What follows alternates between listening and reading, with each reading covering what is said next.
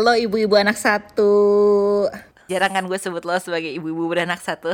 Iya bener sih Ya emang bener sih kenyataan. Karena bukan beranak dua Belum. Atau Eh tapi ya Lo tau nggak Kan em, Waktu itu tuh yang pemegang rekor Bayi kembar paling banyak Sembilan kan Oh, sembilan. Sekarang udah udah dikalahin lagi Ada Sepuluh cuy Hah? Sepuluh apa sebelas gitu Ah, Udah jadi klub bola langsung itu sebutannya apa ya? Gue kayaknya terakhir Iya, tuh iya. tahunnya Sembilan itu sembilan tuh apa ya? Eh, Sembilan aja waktu dia lahir Belum nano. ada sebutannya Belum ada. Belum ada Nanoplet. apa sih kalau sebenarnya kalau kalau empat kan quadruplet. Hmm. Lima eh pentaplet kali ya, pentagon kan. Hexa, ngarang. hexaplet 6. Ngarang, ngarang, ngarang. Semua Hexa tuh ngarang. kayak delapan deh. Masa? Coba lihat hexagon tuh berapa sih? si ibu-ibu ini adalah Aisyah Fabian tentunya. Lo bisa dipanggil ibu-ibu nggak? Eh, kalau gue sih mendingan tante-tante aja. Oh, tante-tante ya. Heeh. Eh, ada Mia Santosa. Tante. Tante Mia Santosa. Jadi bisa disebut oleh makhluk-makhluk kecil, bisa juga sama anak-anak muda. Oh.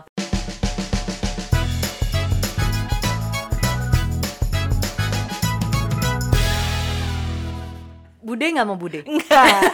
Kalau Bude tuh kayaknya serius banget kayak gue udah tahu apa yang gue lakukan sama hidup gitu ya. Kalau Bude. Tapi kan lo bisa bercanda-bercanda juga kayak Bude Sumiati gitu. Oh iya bener juga ya. Iya kan? Kayak kurang kurang cocok. Kalau gue mungkin lebih cocoknya AI. A, A itu. AI. Kan gue ini, kan gue sipit, ya kan? AI, AI Mia. Oh, gue pikir AA atau gue AA. Eh, AA, kesukaan Anda gitu ya. Kalau AA, kalau AA harus ini ngomongnya. kalau kita AI atau Oh, I, II. II, ya. Ah lu gimana sih katanya punya heritage? ah, Gue cuma sampai sebatas apa? Oh, oh, oh, oh tahu gue. lebih gua nggak tahu tuh oh, apaan. Om kan? Nggak tahu gua. Ya, duh. Daripada Gua kita yang makin ngarang kan. Bener. Mending apa yang kita tahu. iya. Tapi ya sebelum sebelum gue punya anak, sebenarnya tuh gue gak suka sama anak kecil. Ah, gitu. Hmm. Gue tuh bukan kan ada ya cewek yang kayak sama anak kecil tuh ya, oh lucu banget. Nggak bisa gue. Ah, itu gua malah. Oh iya, gue suka banget anak kecil. masa? Heeh. Gue pernah di lift ada bayi gitu, terus bayinya ngeliatin gue gitu ya kan. Itu gue awkward lo. gitu, gue kayak "Hmm, ya oke gitu. Ada ada momen gitu dulu pernah sebelum gue punya anak, tapi setelah gue punya anak ngeliat bayi itu yang kayak oh gitu. Eh, jadi semua itu berubah ketika lo punya anak. Itu kan katanya sifat maternal ya. Iya, katanya kan itu emang emang datang secara natural kan. Eh, ternyata betul datangnya secara natural. Betul, betul, betul. Eh, ketika lo melahirkan anak itu dan lo lihat anak itu atau ketika lo menyusui? Ketika melihat anak itu. Oh, Karena kan gue ngelahirinnya tuh susah ya. susahnya gimana? Coba boleh dong. Ini ini Belum, sesuatu yang kita iya, nggak ini pernah belum, belum pernah nih Belum, kita belum, ceritain belum, nih. Jadi gue itu eh, melahirkan normal tapi komplikasi. Komplikasinya adalah Komplikasinya katanya, katanya. aduh aku jadi deg-degan dideketin sama Mike. takut punya anak lagi, takut hamil lagi. ini mic-nya kebetulan cuma ngerekam suara, nggak nyuruh anda mangap ya. Ah lu ya memang ya. Lu kan susah banget ngomong serius dia masih jorok jadinya nih. Anjing. kelamaan. Jadi, dikit cair dulu. Ya kan? Ini serius nih soalnya. mukanya sampai merah cuy. Padahal kayak Aisyah Fabian. Ah, Bu, masih takut kan kalau misalnya kayak eh waktunya nih kok telat ya. Masa nggak takut kembali ke sih? masa-masa tersebut Anyway, anyway oke komplikasi komplikasi. Jadi gue itu lu kalau misalnya udah hamil gede, udah waktunya. Nih kayak adik gue nih sekarang udah masuk 35 minggu. Dalam berapa minggu ini kan akan ngelahirin kan. Terus dia tuh katanya udah mulai kepanasan. Bahkan suaminya aja bilang, "Gila ini kayaknya su- sekali seumur hidup nih dia kepanasan sama nggak mau pakai selimut, cuman pas momen ini doang. Percis. Gue juga gitu. oh Gue kan sebenarnya nggak terlalu suka AC-an gitu ya. Tapi pas lo udah hamil gede, wah rasanya panas banget, oke hot banget. wow Tapi nggak bisa diapa-apain. Katanya kan biar cepet Heeh. suruh. iya iya nggak Iya nggak tahu, udah begah kali. Dan terus habis itu lo mau ke gaya apa gue tanya? Gak, nah ini lo perlu mengedukasi gue karena gue nggak pernah kebayang nih lo bilang lo bilang kan kalau lagi hamil gede ya gue juga kayak Iya, iya. nggak kebayang ya gimana ya selain yang bisa gue bayangin lah berat banget tuh ya Berat. Lo barbel lo barbel satu berapa sih satu setengah kilo itu aja tuh berat lo bayangin lo tempel ke perut Hmm. Iya, terus kilo gede lah. gitu nah Mm-mm. terus itu doang yang kebayang Makanya kan banyak orang hamil yang yang udah sampai pegang-pegang punggung gitu kan Nah. nggak pakai karena karena emang seberat itu. Ah. Oh, ada ada intermezzo lagi nanti aja kali ya. Apa mau mau mau sekarang? udah dikasih teaser intermezzo langsung kasih si intermezzonya ada laki-laki dari Australia. Dia mencoba hamil eh, mencoba merasakan menjadi seorang ibu hamil selama 24 jam. Ini viral di TikTok. Oh, tahu gue. Iya, pakai semangka. Eh, ya benar. Terus, Terus soketnya pakai melon. Terus dia berusaha ini kan ngikat sepatu, pakai pakai sepatu, Iya. bangun dari tempat tidur. Hmm, rasain deh tuh. Itu itu memang tantangan ya. tantangan tapi kan sebenarnya semangka kan nggak akan fleksibel ya kalau misalnya lo hamil ya itu kan udah jadi tubuh lo kan Heeh. jadi lo nggak merasakan sesuatu keanehan kecuali kayak pertama kali si anaknya Nendang. nendang tuh lucu banget Rasanya apa sih? kayak "Hup, Geli apa sakit? geli Eh, terus kayak ini kayak di film Alien yang kayak bisa keluar keluar gitu kan nongol nongol Heeh. Tapi gue gak tau rasanya. iya rasanya Ah. geli gitu terus eh, lo bisa tuh kadang-kadang suka kayak apa tuh Kayak- Telapak kaki iya nongol ngejotos gitu Ih, gue pernah lihat yang kayak telapak kaki yang kayaknya dia lagi stretching gitu kan di dalam. Terus kayak eh, eh kelihatan Ya, lucu banget kan? Aneh banget sih. aneh aneh aneh Nah. nah, terus abis itu gue udah mulai begah kan Hmm. Terus gue yang kayak kapan yang ngelahirinnya? gitu. Terus gue lagi makan malam nih di rumah nyokap gue. Hmm, kayak aku mules deh.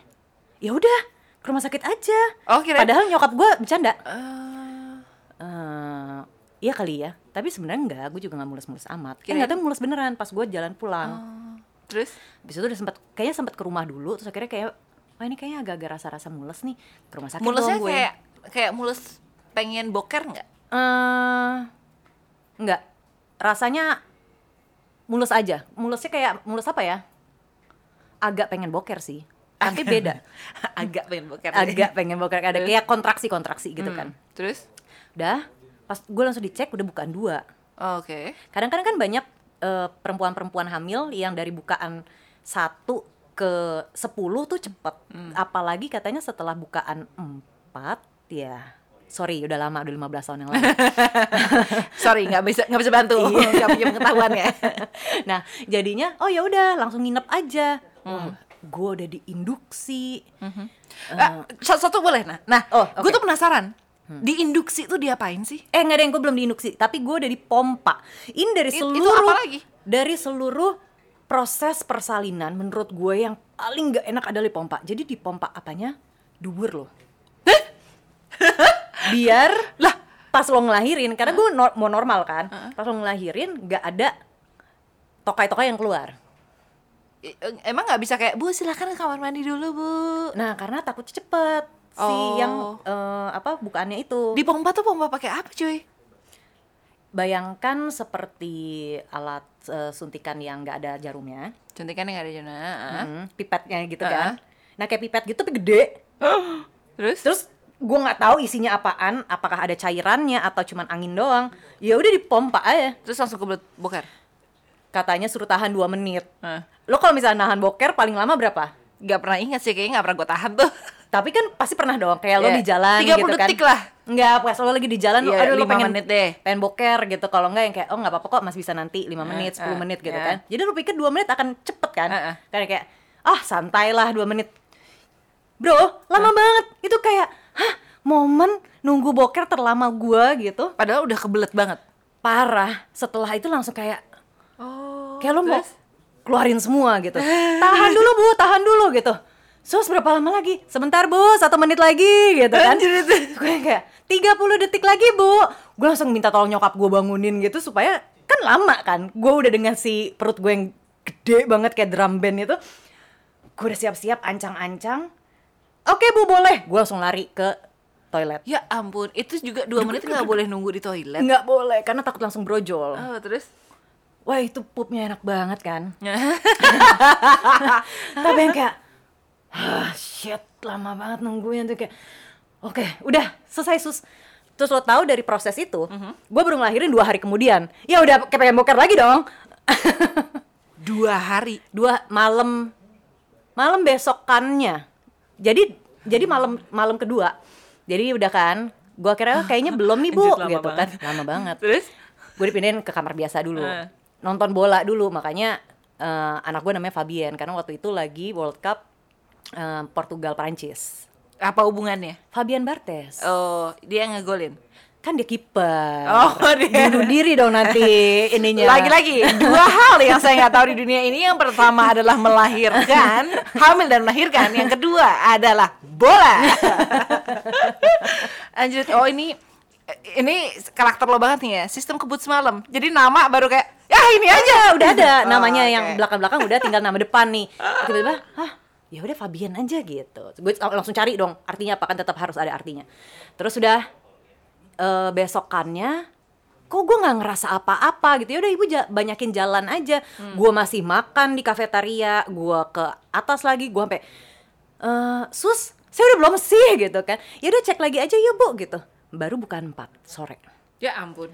diinduksi ya bu mau nggak diinduksi itu Nah, ini dia nih. ini dia nih untuk mempercepat bukaannya Itu tapi diapain? Tindakan itu ngapain sih? disuntik ya belakangnya Oh, disuntik di spine lo itu. Gue Uh-uh. sempet ngeliat kalau ya di film-film gitu kan suka ada ya.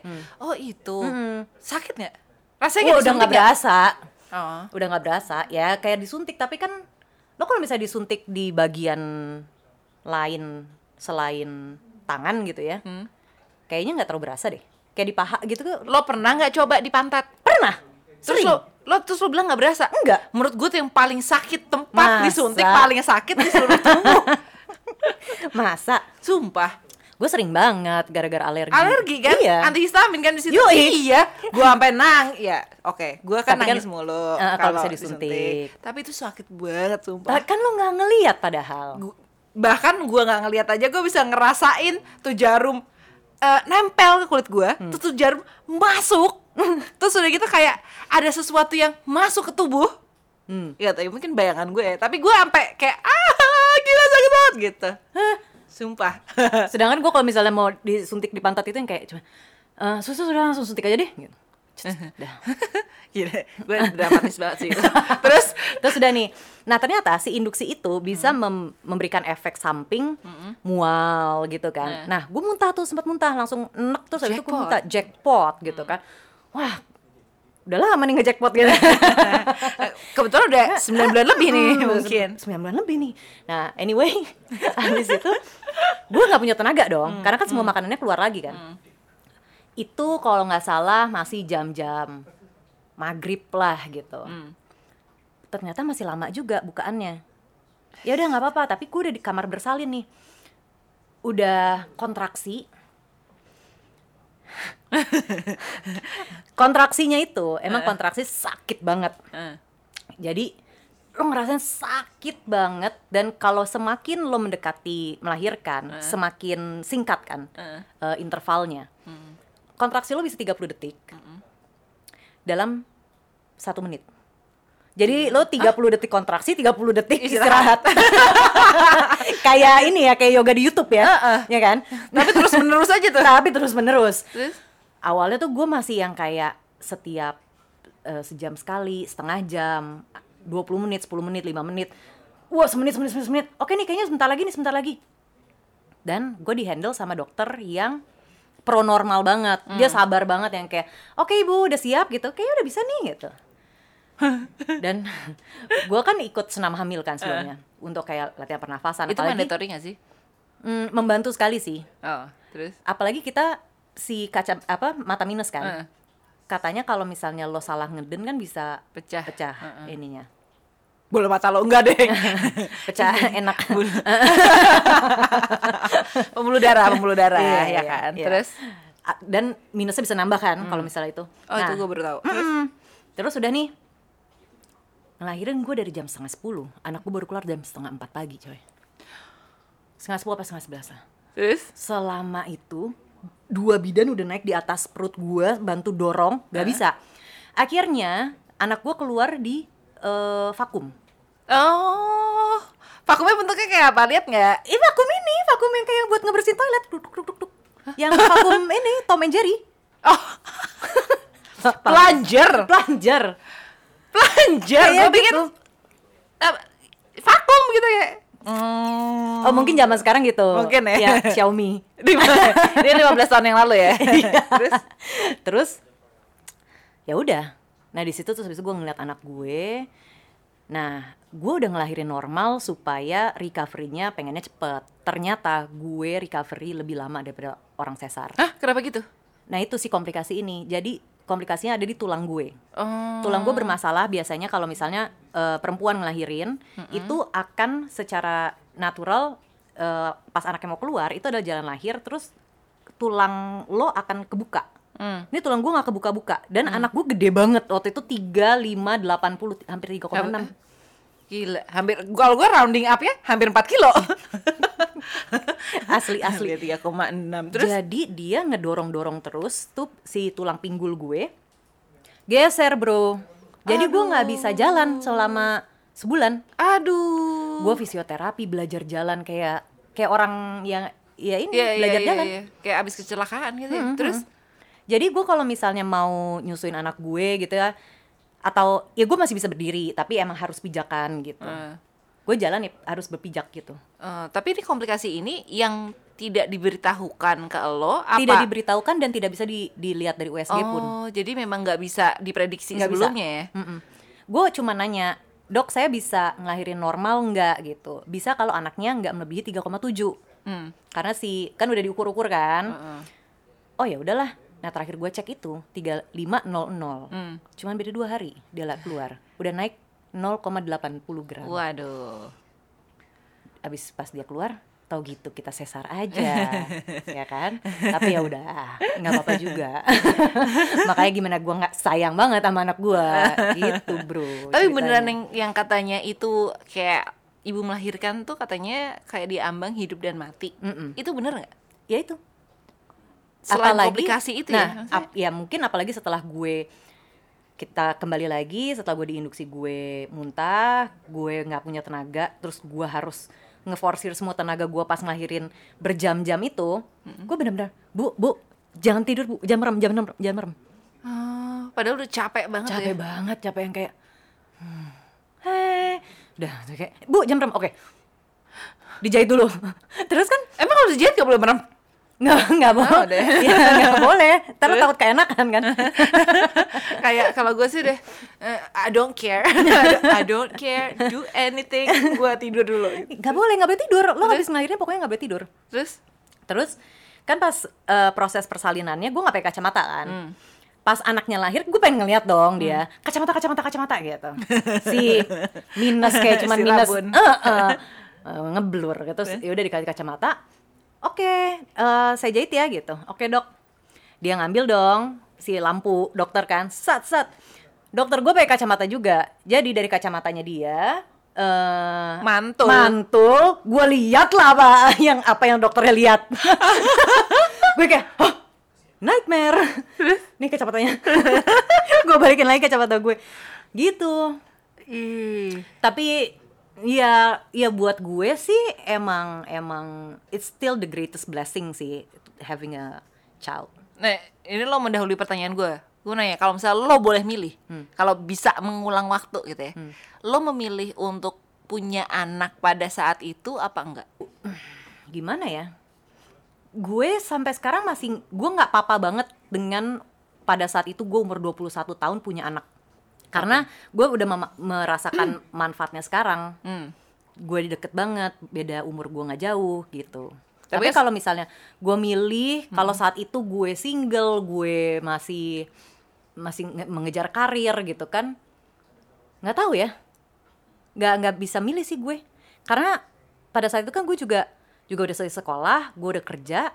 Jadi ya emang mungkin udah jalannya juga gitu loh. Maksudnya udah udah kayak step-step Tapi sebagai, perempuan. sebagai orang yang dulunya nggak suka sama anak kecil, lo pernah ngebayangin nggak lo jadi seorang ibu? oh iya iya iya. Oh, lo dari dulu tapi memang ngebayangin lo jadi seorang ibu. Itu adalah sebuah hal yang eh, selalu apa ya lo cita-citakan atau enggak nggak cita-citakan tapi menurut gue itu uh, that's the way it is aja. Kayak you know that one day you're Yeah. gonna be a mother gitu. Mm-mm. that I'm I'm gonna be a mother I want to be a mother gitu. Eh, dua anak tiga anak gitu cukup kali ya gitu oh bahkan lo ngebayangin sampai jumlah Iya. anaknya ya Heeh, heeh. Oh, oke karena gue tiga bersaudara kan Heeh. dan dulunya gue cuman berdua sama adik gue yang cowok tiba-tiba ada adik gue yang cewek juga hah kan gue udah agak gede gue udah 8 tahun kok tiba-tiba ada anak cewek lagi gitu hmm. jadi ya udahlah gitu jangan dead end dong. Jadi dead air dong. Gue nunggu ditanya ini sebenarnya. Iya, makanya apa yang lagi lo pikirkan? lo lagi memikirkan pilihan lo apakah apakah dengan cerita gue em, mempengaruhi pilihan lo? Eh, bukan cerita lo sih yang mempengaruhi pilihan gue. Cuman gue tuh gue orangnya suka banget sama anak kecil. Aneh banget. Dari kecil gue suka anak kecil. Da- jadi gue selalu eh, selalu deket gitu ketika ketika ada temen gue punya bayi, gue pasti akan jadi salah satu orang yang datengin dia pertama kali. Pokoknya sahabat-sahabat gue pasti ini kehadiran anak-anaknya. Kalau nggak gue di luar negeri, gue pasti datang. Either hari lahirnya atau besoknya, at least. Pokoknya nggak terlalu lama deh, nggak sampai 24 jam dia lahir, gue pasti ada. Gue pasti melihat mereka dan gendong. Dan gue nggak punya, gue nggak punya ketakutan kalau orang-orang iya? kan kadang-kadang, aduh bayi baru bayi baru lahir nggak berani megang. Gue nggak punya ketakutan itu. Ih, gue aja sampai sekarang masih takut loh. Kalau misalnya wah gila itu termudah di dunia. Wes sombong. makanya, Sombong jadi sebenarnya apa kalau ng- nggak terdorong dengan nature itu? Nah, saking naturalnya, terus gue ngerasa ya menurut gue bukan hal bukan hal besar untuk gue tuh nggak pernah gini, gue nggak pernah kayak ngebayangin kayak lo lo tuh lo bisa ngebayangin that one day I'm gonna be a mother dua sampai tiga anak cukup gitu. Dari dulu gue nggak pernah ngebayangin gue menghadirkan seorang anak ke dunia. Oke, berarti lebih lebih ke proses hamil dan ngelahirin ya? Enggak juga. Eh, enggak juga ya kayak menurut gue hamil itu cute tapi gue nggak mau mengalaminya gitu. Gue kalau ngeliat orang hamil maksudnya, oh selamat. Maksudnya itu itu gue tahu ini proses proses yang sangat amat berharga dan eksklusif. Bahkan itu pengalaman yang nggak akan bisa dibagi ke gender lain Iya. menurut gue. Jadi eh gue nggak tahu ya kalau sekarang kalau misalnya teman-teman kita yang trans gitu apakah dia kemudian bisa hamil melalui sebuah proses operasi? Gue nggak tahu sih. Mungkin akan ada waktunya bisa atau mungkin jangan sekarang udah bisa. Tapi itu kan itu itu very exclusive to female untuk lo punya lo punya apa namanya lo punya sel telur kemudian sel telur itu bisa menjadi bayi kemudian si bayi ini tumbuh di tubuh lo dan itu disebut hamil dan lo carry this child for nine months kemudian melalui proses melahirkan itu menurut gue wow amazing dan magical ya. Kayak kok bisa sih eh, manusia melakukan itu dan terutama perempuan cuman perempuan doang nih yang punya yang punya experience kayak gitu. Tapi gue nggak bisa menempatkan gue sebagai orang yang akan mengalami itu kayak Kalau nggak apa ya nggak nggak kebayang ya iya itu itu menyenangkan tapi gue nggak mau em, melewati experience itu. Iya berarti kan lo nggak mau. nggak mau dan gue mencari kompensasi sih maksud gue kayak yang eh, ya, itu kan itu kan natural oke lah ya itu natural. Tapi gue gue kayak gue bisa nggak? Gue nggak nggak nggak punya proses itu. Gue tahu itu cuman buat gue gitu ya. Gue ca- tahu itu pilihan pilihan buat buat gue tuh pilihan ya. Gue tidak harus melewati itu. Jadi eh, boleh nggak gue memilih untuk tidak melewati hal tersebut? Oke. gitu. Eh, walaupun mungkin aja gue berubah pikiran ya, tapi so far sampai 30 sekian tahun gue hidup di dunia ini sih gue belum kepikiran untuk eh, mengalami hal itu. Lo dulu lo dulu pas kecil pasti ada yang pernah main pengantin-pengantenan dan juga pernah main hamil-hamilan kan? Lo masukin Iya, iya, masukin bantal. bantal gitu. Mungkin waktu itu lo ngelihat eh, orang tua lo lagi hamil lagi gitu. Gue kayaknya salah satu yang gue nggak pernah lakukan adalah masukin bantal ke perut gue Hmm, dan ya senatural naturalnya orang kan bilang gue tuh seneng ya ada pembicaraan ini sekarang di dunia dan oh, dan orang-orang mulai sangat terbuka membicarakan. Karena kalau misalnya diingat-ingat dari podcast kita udah beberapa kali kita Ya. ngomongin secara selintas eh, topik ini gitu. Topik bahwa bahwa lo adalah seorang ibu dan gue memilih untuk tidak menjadi seorang ibu gitu. dan eh, menurut gue tuh topik child free yang sedang diomongin orang-orang tuh semuanya menurut gue bener. Tapi kan selalu ada orang yang bilang bahwa itu kan apa ya aki, apa sih natural eh, kodrat kodrat kodrat, Tapi kan sebenarnya ya makanya kembali lagi itu pilihan kan. Nah, buat gue itu pilihan ya dan buat lo pilihan sekarang banyak banget juga orang ngomongin child free tren atau memang pilihan gitu. Dan sedangkan kan lo memilih untuk itu ke sampai ke pilihan itu harus berkompromi dengan pasangan dong. harus Iya dong kan Iya kan? kalau misalnya lo udah punya pasangan kemudian itu tidak menjadi keputusan lo sendiri Iya. dan itu eh, jadi salah satu pertimbangan eh, kenapa gue menikah sama pasangan gue yang ini Hmm. gitu jadi dari dari awal tuh gue nggak pernah nutup nutup nutupin maksudnya gue pengen gue selalu pengen menikah Eh, tapi gue nggak pernah pengen punya anak Hmm. jadi eh, ya pasti dalam hidup perpacaran ada tuh eh, ngobrolin soal gimana kita melihat masa depan kita gitu kan. Eh, mulai dari kira-kira kita tinggal di mana rumahnya kayak apa. Itu kan bagian-bagian yang menyenangkan ya. Kemudian eh, punya anak berapa. Jadi ada satu masa gue tuh ngebayangin gue punya satu anak cewek. Oke. jadi maksud gue gue nggak tahu kenapa ya. Hmm. Eh, eh, kadang-kadang ada orang yang bilang oh vision ada apa. Hmm. cuman gue gue pernah punya mimpi bahwa gue punya satu anak cewek di rumah yang dengan pokoknya tipe rumahnya bahkan tuh ada di Hmm, kepala gue gitu. Tapi gue nggak pernah nggak pernah bisa ngebayangin gue melalui proses eh, apa hamil dan melahirkan. Hmm. bukan karena gue takut jadi gue udah denger cerita horor apa pun modelnya dari gue merasa itu horor sampai kayak teman-teman gue ini memang pada anjing-anjing kan soalnya ada nih yang eh, video melahirkannya nggak ada sensor nggak diedit nggak ada apa. Mau lihat nggak gue ngelahirin? Terus diliatin. Ada tuh dua tipe eh, yang normal dan yang sesar. Dua-duanya gue udah ngeliat. Dan gue tahu bahwa gue kalau sampai hamil kalau sampai hamil gue maunya normal. Tuh gara-gara ngeliat video-video itu. Kan anjing ya Tapi kan berarti kan lo lebih banyak mengasup eh, informasi-informasi atau pengalaman-pengalaman melahirkan yang cukup horor. Eh, ya s- mungkin buat lo tuh nggak horor loh Enggak, tapi soalnya buat gue tetap horor. Gue Ya, aja maksudnya kalau misalnya sekarang gue mau mau hamil lagi, gue udah kebayang kayak, aduh masih hamil lagi ya gitu. Proses hamil lagi ya, ngelahirin lagi. Tapi gue mau ngelahirin mungkin sesar ya untuk kesehatan gue juga.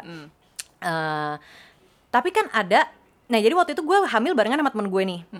Eh, dia ngelahirin seminggu setelah gue, gue yang empot-empotan susah banget. Ini sama-sama anak pertama dan dia lebih muda dari gue. dia cuman keluar ya Jadi dia cuman cuman eh, katanya ditinggal sama suaminya. Eh enggak. eh pokoknya gue sholat zuhur terus habis itu ya nih mbak doain ya aku udah mau udah mau ngelahirin gitu terus habis itu saat gue udah selesai sholat cuma lima menit bro anaknya udah lahir udah udah ada broadcast message alhamdulillah telah lahir. Wah, enak banget nih gitu. Jadi ada juga emang lima menit kayak nyokap gue tuh sebenarnya katanya ngelahirin cepat-cepat semuanya. Nggak ada masalah. Eh, ya makanya gue bingung kenapa gue pikir gue akan mudah juga ternyata enggak gitu kan. Jadi gue nggak mau punya ekspektasi kalau ngelahirin itu bisa horor. Jadi- nah betul. Eh, buat gue tuh horor bukan karena bukan karena prosesnya Hmm. jadi memang maksudnya horor karena itu bukan pilihan gue gitu kan maksudnya Hmm, itu gue nggak pernah memilih untuk punya anak makanya ketika menghadirkan anak di dunia itu buat gue bentuknya apa pun Hmm. mau ngelahirinnya 5 menit mau ngelahirinnya 60 jam ada nih soalnya Hmm. Iya, nih ya kan gue udah temen gue semua udah punya anak jadi gue udah punya variasi Hmm. cerita mau yang sesar eh, di tanggal cantik ada mau yang sesar karena darurat ada mau yang komplikasi setelah eh, melahirkan kekurangan banyak darah terus Hmm, ada semuanya. Tapi buat gue mau yang lima menit mau yang 60 jam tuh semuanya sama-sama horor karena gue nggak mau melewati proses itu gitu. Gue nggak memilih untuk melewati proses itu dan itu bukan proses yang gue mau. Makanya ketika gue ngelihat kayaknya bahkan tuh dari video-video yang gue lihat itu cukup mudah gitu cukup ya. "Hah?" gitu. Kok kok ini gampang banget gitu. Ada yang gampang banget. Tapi ya ah, teman-teman gue anjing-anjing aja ya kenapa gue ditunjukin ya. Terus anyway itu bukan tapi bukan bukan gara-gara melahirkan yang katanya eh, lo diambang hidup dan mati yang bikin gue eh, memutuskan untuk child free gitu. Banyak banget pertimbangan dan dan dan menurut gue pertimbangan-pertimbangan eh, yang ini kan semu- nggak semua orang akan bisa menangkap alasan-alasan gue ya. Iya, iya. Jadi bahkan orang-orang terdekat deh, orang-orang terdekat eh, kayak misalnya nyokap gue udah pernah gue bilangin nggak usah nagih, gue udah kawin nih gitu. Kan gue bilang gitu, gue udah kawin nih, gak usah nagih-nagih kapan punya cucu. Ya cucu lo udah enam, gue bilang gitu. Jadi nggak perlu cucu satu lagi dari gue gitu. Ya kalau ini satu aja lah gitu kan. Orang tua pasti akan begitu, tapi eh, terus gue pernah bilang juga sama bokap gue bahwa kayak gini loh, kita tuh bukan eh, pemenang genetic mind di dunia gitu. Genetik kita tuh bukan yang terbaik di dunia. Kita bukan the smartest of people, the smartest of family, dan kita eh, punya disease yang diturunkan gitu. Jadi gue ngerasa kayak dari situ, maksudnya dari situ aja tuh satu alasan ya. Itu baru satu. Gue nggak ngerasa gue perlu menghadirkan another another human being yang akan punya challenge dalam hidupnya dari sisi situ. Padahal dia akan menghadapi challenge-challenge lain. Maksudnya kita sebagai makhluk hidup kan kita masalah kita udah banyak gitu, tanpa harus eh, tanpa harus menghadapi kenyataan. Kayak gue nih, menghadapi kenyataan bahwa eh, gue punya diabetes yang ternyata itu turunan dan saking kayak untreatednya gitu, saking untreatednya bahkan orang tua gue juga nggak tahu. Kan habit-habit yang kayak gitu kan ada di keluarga dan gue ngerasa gue tadinya baik-baik aja terus ternyata gue punya disease ini yang bisa jadi A B C D gitu. Dan itu kayak ini semakin memperkuat alasan gue gitu. So, dan alasan yang genetik ini eh, tadinya cuman bikin gue selewatan apa ya memperkuat diri gue sendiri lam- terus sekarang tuh jadi makin berasa gitu. Karena gue menghadapi challenge yang lumayan besar dalam kehidupan keseharian gue. Maksudnya makan aja gue mesti pikir gitu. Kan gue ya ampun kasihan banget nih anak. Tapi kan gitu lagi-lagi pasti ada yang bilang tapi kan nggak akan selalu kayak gitu. Bisa aja anak lo nggak kenapa-kenapa. Ya masa gue mau taruhan sih? Kalau buat anak gitu. Maksudnya Iya, gue iya. mau menghadirkan satu sosok manusia baru masa gue mau taruhan sih? Bisa. Oh bisa aja kok dia nggak ini. Tapi kan itu kemungkinan gitu. Yang kedua kalau alasan gue yang dari dulu gue nggak pernah nggak pernah eh, abaikan gitu yaitu udah terlalu banyak anak di dunia ini sih. Kalau jadi gue tuh eh, kan gitu kan orang tua orang tua ntar lu kok keburu ketuaan keburu nggak bisa ngelahirin. Keburu udah kering keburu udah menopause keburu udah apa. Terus gue bilang kalau misalnya gue berubah pikiran suatu saat gitu ya. Misalnya gue nanti umur 60 gue baru berubah, berubah pikiran gue bisa adopsi gitu. Karena menurut gue ini banyak banget anak-anak lo baca berita lah. Ngeri banget kan? Banyak anak yang ditinggal di got banyak anak yang di ya bagus kalau dia berakhirnya di panti asuhan. Ada anak yang dibungkus plastik di tempat sampah kayak gitu gitu kan kayak gue ngerasa kayak banyak banget loh anak-anak yang butuh cinta tapi mereka nggak dapetin cinta itu gitu. Padahal mereka nggak salah apa-apa. Gue tuh orangnya sangat amat pro choice juga. Jadi eh, mungkin ini lebih tidak konvensional kalau ada di Indonesia gitu ya, tapi di luar negeri di luar negeri juga ini adalah sebuah isu yang selalu dibahas dan selalu menjadi sebuah perdebatan kan. Kalau gue pro choice, nah di sini karena tidak ada opsi itu, ketika lo udah menghadirkan anak itu di dunia, ya dia berhak atas cinta, at least gitu ya. Dia berhak atas eh, atas sandang pangan papan dan kehidupan yang layak. Tentu tapi a- above all tuh dia dia dia butuh dikasih cinta gitu dan ketika lo telantarkan tuh anak gitu aja gue tuh kayak ngerasa ngapain gue berusaha keras gitu lah saya untuk menghadirkan anak yang udah cetakannya menurut gue eh, ada kemungkinan untuk nggak bagus juga gitu. Ada ada di sisi turunan bukan yang paling pintar di dunia. Terus udah gitu masih banyak anak-anak yang anak-anak lain di luar sana yang bu- lebih butuh cinta gitu. Karena gue tahu gue punya gue punya cintanya gue punya gue punya nature of uh, Motherhood. motherhood, Heeh. maternal Ya. gitu gue punya maternalnya apa segala macam Ya. anak anak-anak bayi nggak pernah ada yang nangis gue gendong gitu. Tapi gue bisa nah gue bisa membagikan itu ke anak-anak lain. Nggak harus yang keluar dari vagina gue sendiri sih. Itu salah satunya. Wow, panjang. Iya sih, tapi gue jadi gue ngerti juga maksud gue em, gue yakin banget kalau misalnya suatu waktu lo punya anak, lo nggak mungkin telatarin dia, lo nggak mungkin tidak memberikan dia cinta, tapi eh, apa ya? DTR kan. Tapi apa?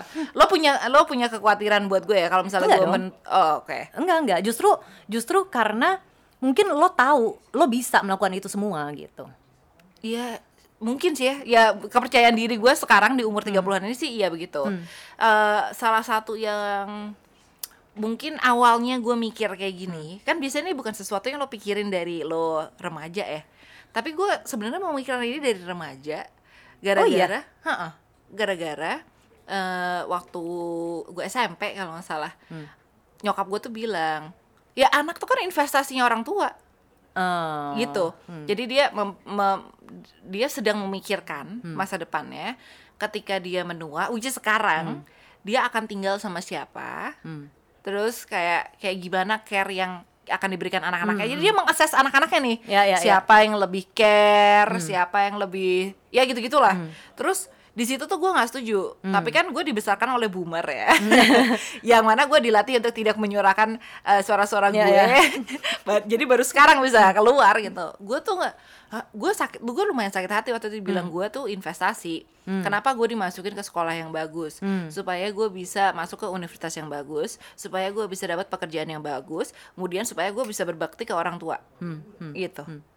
Dan itu gue kayak yang hmm, mm, jadi hidup gue tuh bukan punya gue ya gitu. Oh. jadi gue mempertanyakan itu dan dan kenapa akhirnya itu juga mempengaruhi hubungan gue sama orang tua kan. Kenapa gue eh, nggak pernah dekat secara secara relationship dan juga nggak pernah me- consciously memutuskan untuk tidak mendekatkan diri dalam segi geografis.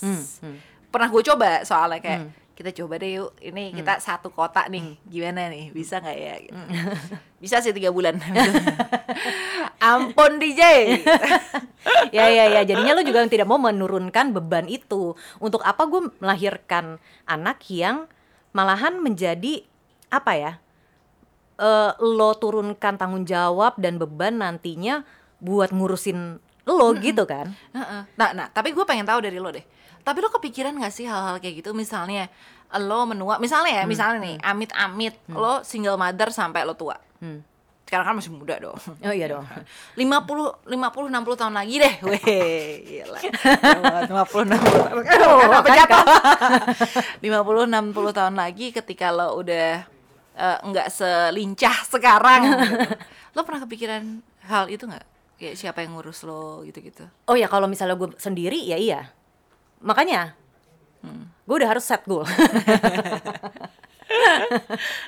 Tapi itu, itu itu menjadi sebuah hal yang kepikiran terus apa gimana? Kayak ntar lo siapa yang ngurus gitu tuh itu kepikiran gak sih?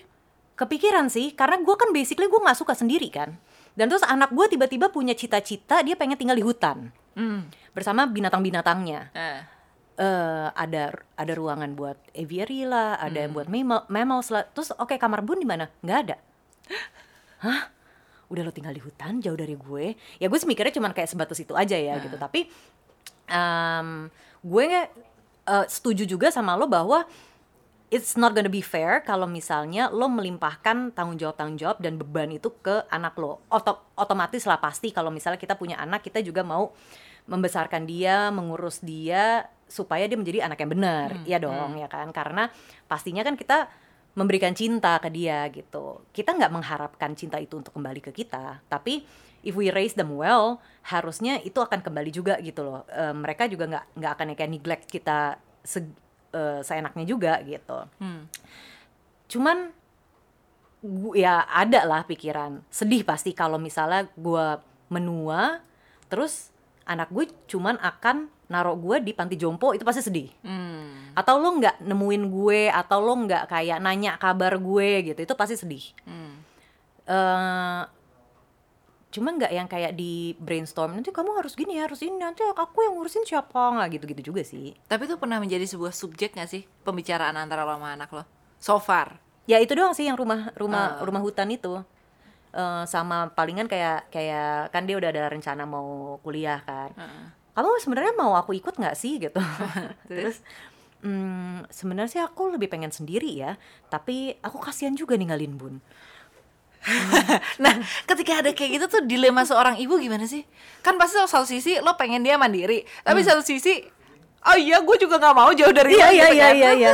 Itu, gimana lo sebagai seorang ibu mengatasi dilema-dilema kayak gue gitu? itu gue pengen ikut karena dulu gue pernah kuliah di luar yang wild and free kan pas di situ gue udah mikir kalau nanti gue punya anak gue mau ikut dia kuliah gitu iya kan. kan ini sampai kayak sampai kayak dua tahun lalu lah kayaknya ya. Lo masih bercita-cita ikut kan? Sampai Iya, iya, sampai eh, ya bahwa Fabi bilang "Kak, dia sih sebenarnya pengennya sendiri tapi gitu kan? Iya. Nah, terus gimana? Tapi kan kalau misalnya pun gue ikut, kita akan mempunyai kehidupan masing-masing kan. Maksudnya sekarang pun eh, kita sudah sudah mempunyai personal life masing-masing yang bisa kita mengerti satu sama lain gitu. Ya gu- menurut gue mau nantinya dia sejauh apa sama gue secara geografis. Tapi kayaknya bond gue sama dia sih ya tetap kuat banget Asik. gitu. Tapi terus dia bilang gini, tapi well if you have a husband maybe I will be more inclined to leave you. Iya. Oke, gitu kan. wah gue harus cari suami nih dalam hati Oke, kalau gitu sebentar lagi kita kenalin ya gitu kan.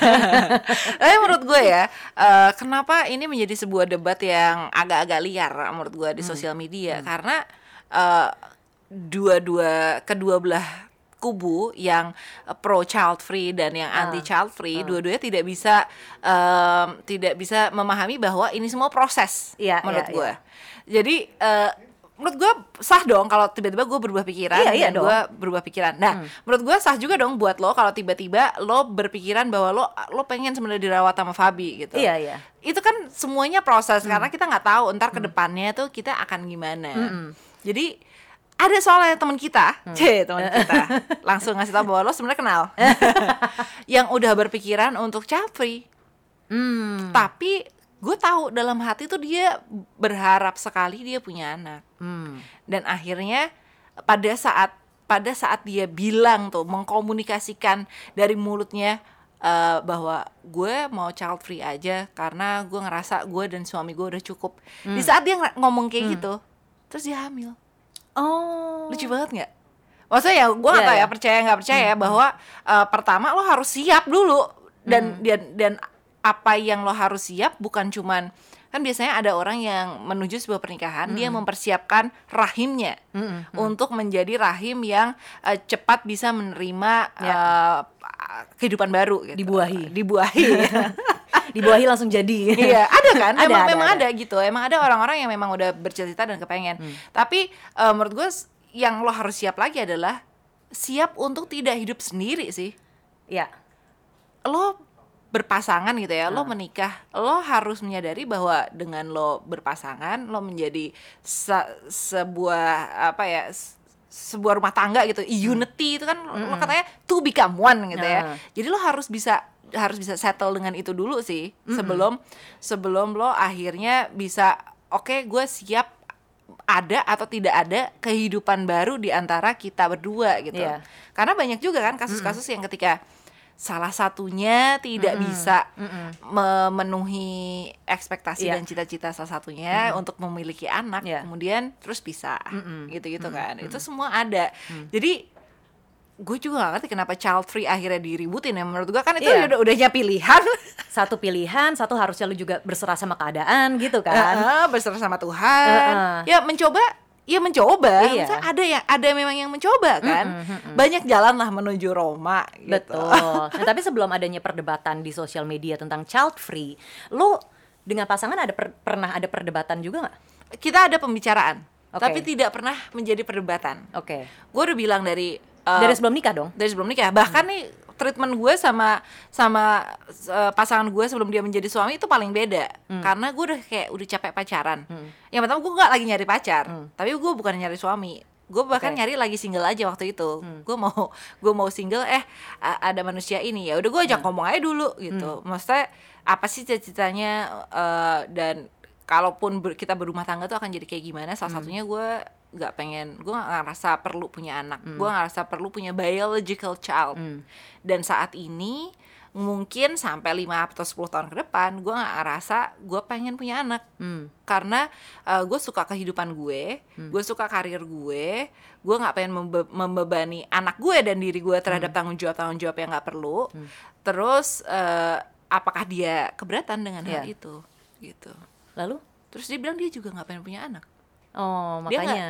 dia nggak uh, menurut dia hid, menurut dia hidup udah cukup udah cukup chaotic. Maksudnya dia dibesarkan di Ya, ya. household yang punya punya siblings juga. Mereka tiga bersaudara gitu. Tapi uh, dia nggak ngerasa dia harus menghadirkan anak dari spermanya gitu. Jadi udah oke kita berjabat tangan lalu kita menikah Tapi jadi sebenarnya ke- eh, keputusan child free lo kan untuk menghadirkan anak dari rahim lo kan.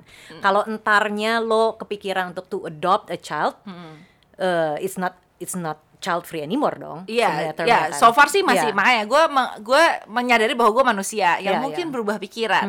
Eh, dulu gue nggak suka makan sayur, sekarang gue makan sayur terus gitu.